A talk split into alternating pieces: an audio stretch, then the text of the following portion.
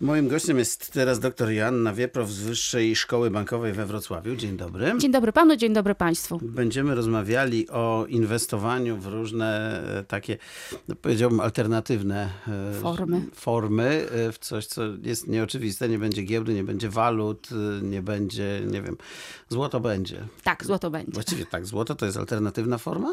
Tak, złoto należy do alter- alternatywnych form inwestowania e, kapitału. To wobec tego zaraz dojdziemy do szczegółów, ale najpierw chciałbym zapytać o oszczędzanie i inwestowanie. E, Czym to się różni? Tak, często te pojęcia są mylone albo e, tożsame, ale tożsame nie są, ponieważ oszczędzanie to przede wszystkim gromadzenie kapitału na jakiś konkretny cel i jest to gromadzenie krótkoterminowe. Natomiast inwestowanie raczej ma cel długoterminowy i polega na pomnażaniu kapitału. Z- Zbieramy sobie jakąś kwotę, kupujemy to, w co chcemy zainwestować. przykład samochód. W ale właśnie, bo to w, jak kupimy samochód, to nie jest inwestycja, bo na samochodzie to wiemy, że stracimy, prawda? Przynajmniej w horyzoncie, nie wiem, Czyli- e, Tak, czyli 15-letnim. oszczędzanie jest właśnie na samochód, natomiast jeżeli byśmy chcieli zainwestować i mówimy o samochodach, to na przykład w stary samochód i wtedy to O. będzie już inwestycja alternatywna. Taki, który ma na przykład 30 lat dzisiaj, wydaje mi się, i jak będzie miał 45-50, to raczej nie ma siły, żeby nie był droższy.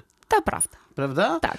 No właśnie, to jakie są te alternatywne formy, takie najpopularniejsze dzisiaj, jeśli chodzi o E, No, inwestowanie? no, przede wszystkim należy zdefiniować te inwestycje alternatywne, bo Mhm. są to inwestycje, które uznaje się, że nie są powiązane z rynkami finansowymi, czyli są niezależne od rynków finansowych. Poza tym uznaje się, że inwestycje alternatywne to inwestycje w fizycznie istniejące aktywa, czyli e, dzieła sztuki, e, luksusowe alkohole, kruszce, kamienie szlachetne, czyli między innymi, e, Mhm. jeżeli chodzi o kruszce, to na przykład właśnie złoto, o którym pan wcześniej e, mówił, ale też wszelkiego rodzaju kolekcje, monety kolekcjonerskie, znaczki pocztowe i wszelkiego e, rodzaju kolekcje, wszystko to, co ma jakąś wartość i ludzie zbierają. Mhm, no właśnie, zaraz do tego dojdziemy, tylko tak mi przyszło do głowy, że dzisiaj w świecie, który się tak skurczył nieprawdopodobnie, to właściwie my sobie możemy kupić wszystko, bo chyba nie miałbym problemu z tego komputera, który tu przed nami stoi, e, z kupieniem, nie wiem, tony pszenicy w Brazylii, prawda, jakbym chciał, albo innego tam jakiegoś owsa w Australii e, na giełdzie. Ja bym to wszystko mógł zrobić, nie? Technologia internetowa teraz pozwala e, przede wszystkim nie tylko na zdobycie wiedzy, bo tutaj potrzebna jest specjalistyczna wiedza, ale też na przykład za dokonanie zakupu na wszelkiego rodzaju aukcjach. I zdecydowanie e, rozwój internetu przyczynił się do wzrostu popularności tych e, inwestycji. Czyli mogę kupić wszystko wszędzie, nie ruszając się z domu, praktycznie rzecz biorąc, prawda? Ale mnie to tak się skojarzyło z bardziej tradycyjną formą inwestowania, jakbyśmy zaczęli e, od złota, no bo jednak złoto to ludzie od wieków kupowali i trzymali w jakichś skarbcach i, i, i było ich inwestycją, czy tam zabezpieczeniem Tak. przynajmniej. Przede wszystkim złoto jest e, uniwersalne No e, i zawsze stanowiło pewną ochronę kapitału, ale może zanim przejdziemy w ogóle do, do rynku złota, czy do, właśnie do inwestycji alternatywnych, warto byłoby może powiedzieć, e, czym się cechują w ogóle te inwestycje, e, ponieważ e, zanim podejmiemy decyzję o zainwestowaniu, musimy wiedzieć, że te inwestycje to są inwestycje długoterminowe. Tu horyzont czasowy musimy określić na minimum 5, 7, nawet 10 lat.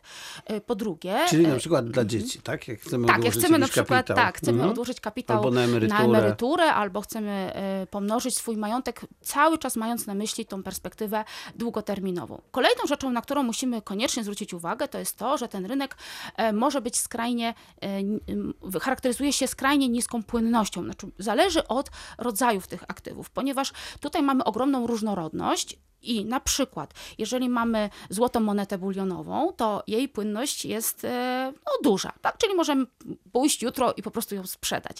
Zupełnie inaczej będzie wyglądało w przypadku dzieł sztuki.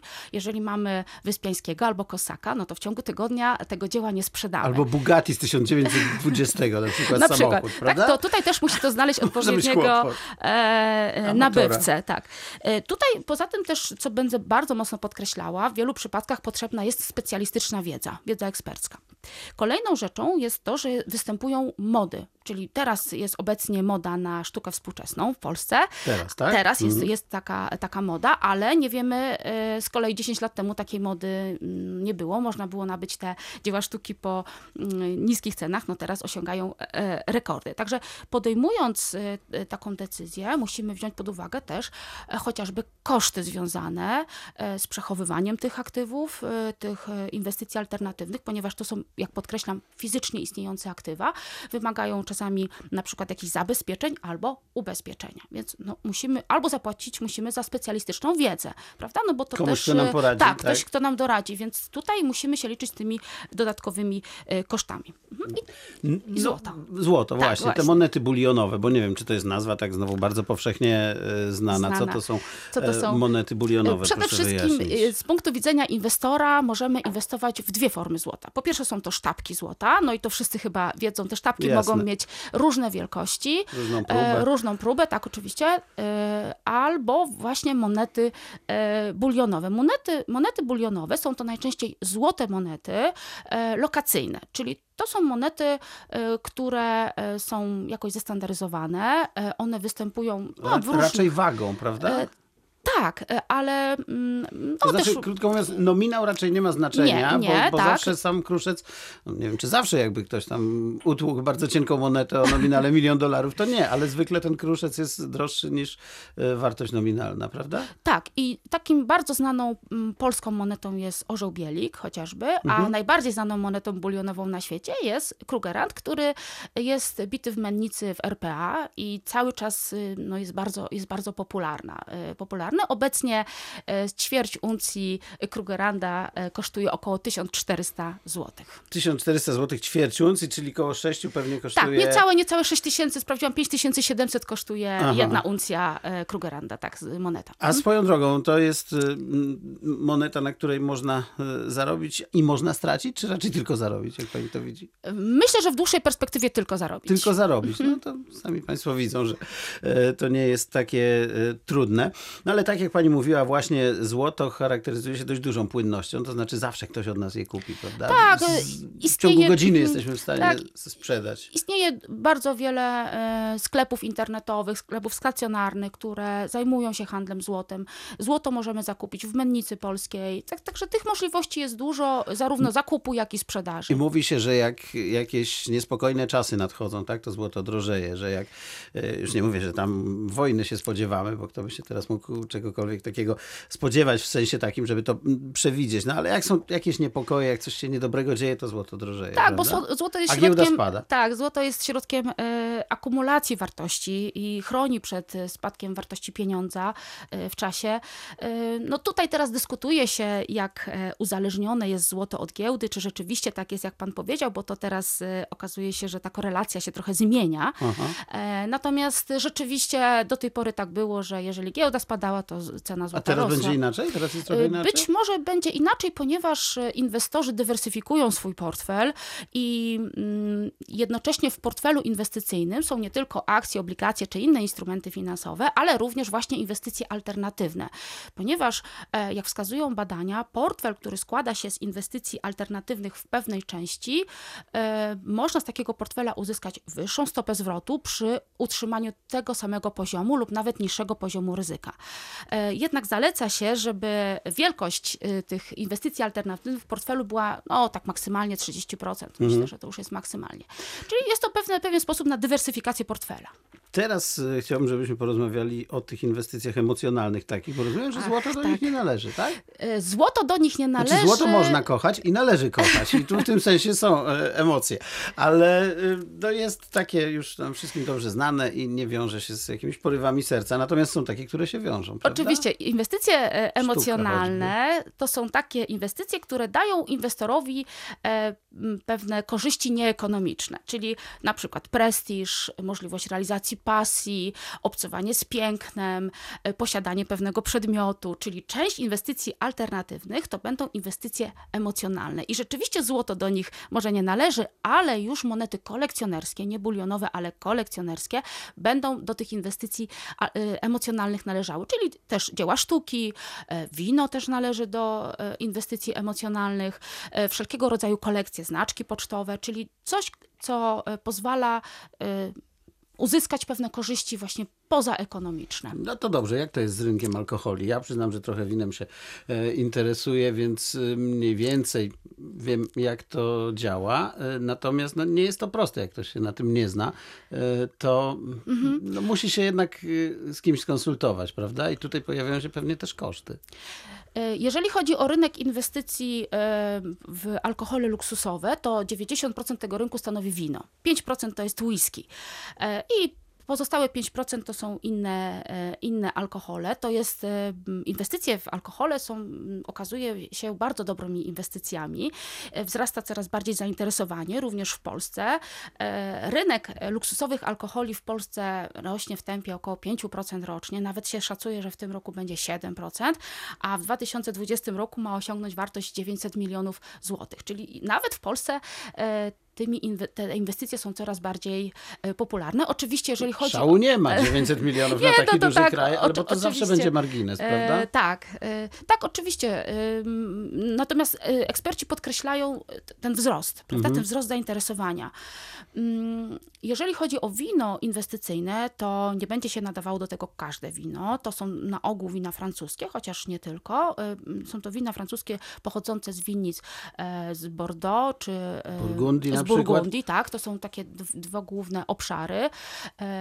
Można kupować bezpośrednio to wino właśnie u producenta, czyli w tych winnicach, ale tutaj naprawdę potrzebna jest specjalistyczna wiedza. Trzeba się tym interesować, trzeba dużo na ten temat wiedzieć, albo e, no, zlecić to e, firmie, e, która doradzi nam, w jakie wino najlepiej zainwestować.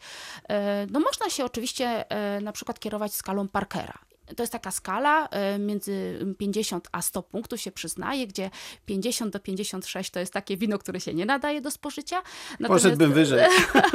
Natomiast powyżej 96 punktów to jest, to jest to wino najlepsze. No i właśnie te wina wykorzystuje się jako wina inwestycyjne.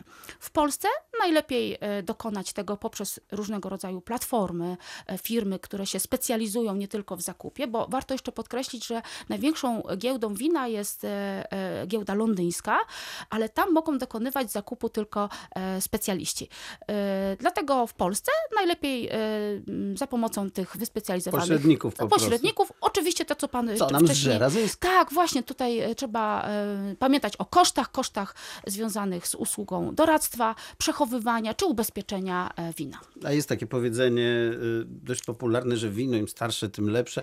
Chciałem od razu tak dla Państwa wiadomości zdementować, tylko 5% wina światowego nadaje się do y, dojrzewania, czy tam starzenia. Tak, bo nie- nie każde Resztę wino trzeba ma być młodą. pote- Zdecydowanie, właśnie. Potencjał inwestycyjny, ale wina A ja tu inwestycyjne... mówię o smaku już. e, Wina inwestycyjne są butelkowane tak, żeby wytrzymały przynajmniej 60 lat. Tak jest. Y, Czyli z alkoholi, wina i whisky. I co tu jeszcze mamy? Sztukę? Sztukę, tak. Warto podkreślić... Ale to już jest totalna loteria, prawda? E, No, czy ja wiem? Myślę, że e, jeżeli ktoś bardzo dobrze się orientuje e, w sztuce, to jest w stanie wyłowić e, artystów. Bardzo mm, popularne e, są obecnie mm, tak zwana młoda sztuka, czyli artyści, którzy, e, ja nie mówię o sztuce współczesnej, bo sztuka współczesna bije wszelkie rekordy teraz w Polsce, jest niezwykle popularna, ale jeżeli miałabym komuś polecić, to raczej bym zainwestowała, czy poleciła inwestycje w sztukę dawną, czyli Wyspiański, Kossak, Matejko. No to trzeba mieć już Tak, i tutaj już jest trochę około pieniędzy. półtora, dwa, trzy, cztery miliony, mniej więcej tak tyle kosztują e, na aukcjach obrazy. E, Sztuka współczesna cieszy się ogromną popularnością. Rekordem cenowym jest, e, to jest cykl obrazów pięciu Wojciecha Fangora, ponad 7 milionów złotych, to jest póki co rekord cenowy w Polsce, ale właśnie jeżeli chodzi o inwestycje w tą młodą sztukę, to naprawdę mamy bardzo obiecujących artystów. W tej chwili ich obrazy, tylko to już naprawdę trzeba mieć oko, trzeba właśnie. wiedzieć, trzeba się na tym znać, żeby wiedzieć, bo nie zawsze to, co nam się podoba, ma potencjał inwestycyjny. E, Ja sprawdziłam i obrazy tych młodych ludzi, to są naprawdę bardzo młodzi ludzie, ich obrazy powstawały po 2000 roku. No, osiągają w tej chwili wartość e, 35-40 tysięcy złotych, czyli to, to nie są wcale takie... A pewnie były e, kupowalne za tysiąc. Tak, właśnie, Kiedyś, bo- jak nie mniej. Mhm. Właśnie chciałam powiedzieć, że teraz obecnie ten próg wejścia, żeby, no tak myślimy sztuka, to już tak myślimy jakieś tysiące, To- miliony złotych, a tutaj e, na aukcjach e, w domach aukcyjnych w Polsce można kupić e, bardzo dobre dzieła sztuki za 500, 1000 zł, czyli jeżeli ktoś e, traktuje to mm, bardziej emocjonalnie i chce zainwestować i myśli, że być może się uda za, za 10 lat y, uzyskać jakąś bardzo dobrą cenę, no to proponuję właśnie kupić takiego e, artystę. Natomiast jeżeli ktoś myśli już o e, portfelu inwestycyjnym, tworzeniu portfela inwestycyjnego, to raczej ta sztuka dawna, czy sztuka współczesna, na przykład Opałka, Fangor, to są teraz najbardziej gorące nazwiska. I to jest o tyle fajna forma inwestowania, że właściwie nie da się stracić, bo alkohol można zawsze wypić i zobaczyć, czy był warty swojej ceny. Na obraz popatrzeć. Na obraz popatrzeć, no właśnie, nie powiem, że starym samochodem jeździć, bo z tym to akurat różnie bywa, no ale jednak nie ma takiego zjawiska, że kupimy sobie jakieś akcje, które akurat są modne na giełdzie po, nie wiem, 100 zł i za dwa lata będą kosztowały 3,99, prawda? A to się zdarza. Oczywiście, że tak. Tu też występują mody, ale zapewne inwestycje alternatywne to dobre I inwestycje. takie Krugerandy też nie będą nigdy już kosztowały 1000 zł za uncję, prawda? tak, Po prostu, bo złoto tak nie spadnie. To, takiej możliwości nie ma w raczej. dłuższej perspektywie y, nie. No właśnie, i dlatego powinni Państwo rozważyć takie możliwości. Bardzo dziękuję. Doktor Dziękuję Joanna bardzo. Wieprow, Wyższa Szkoła Bankowa we Wrocławiu była naszym gościem.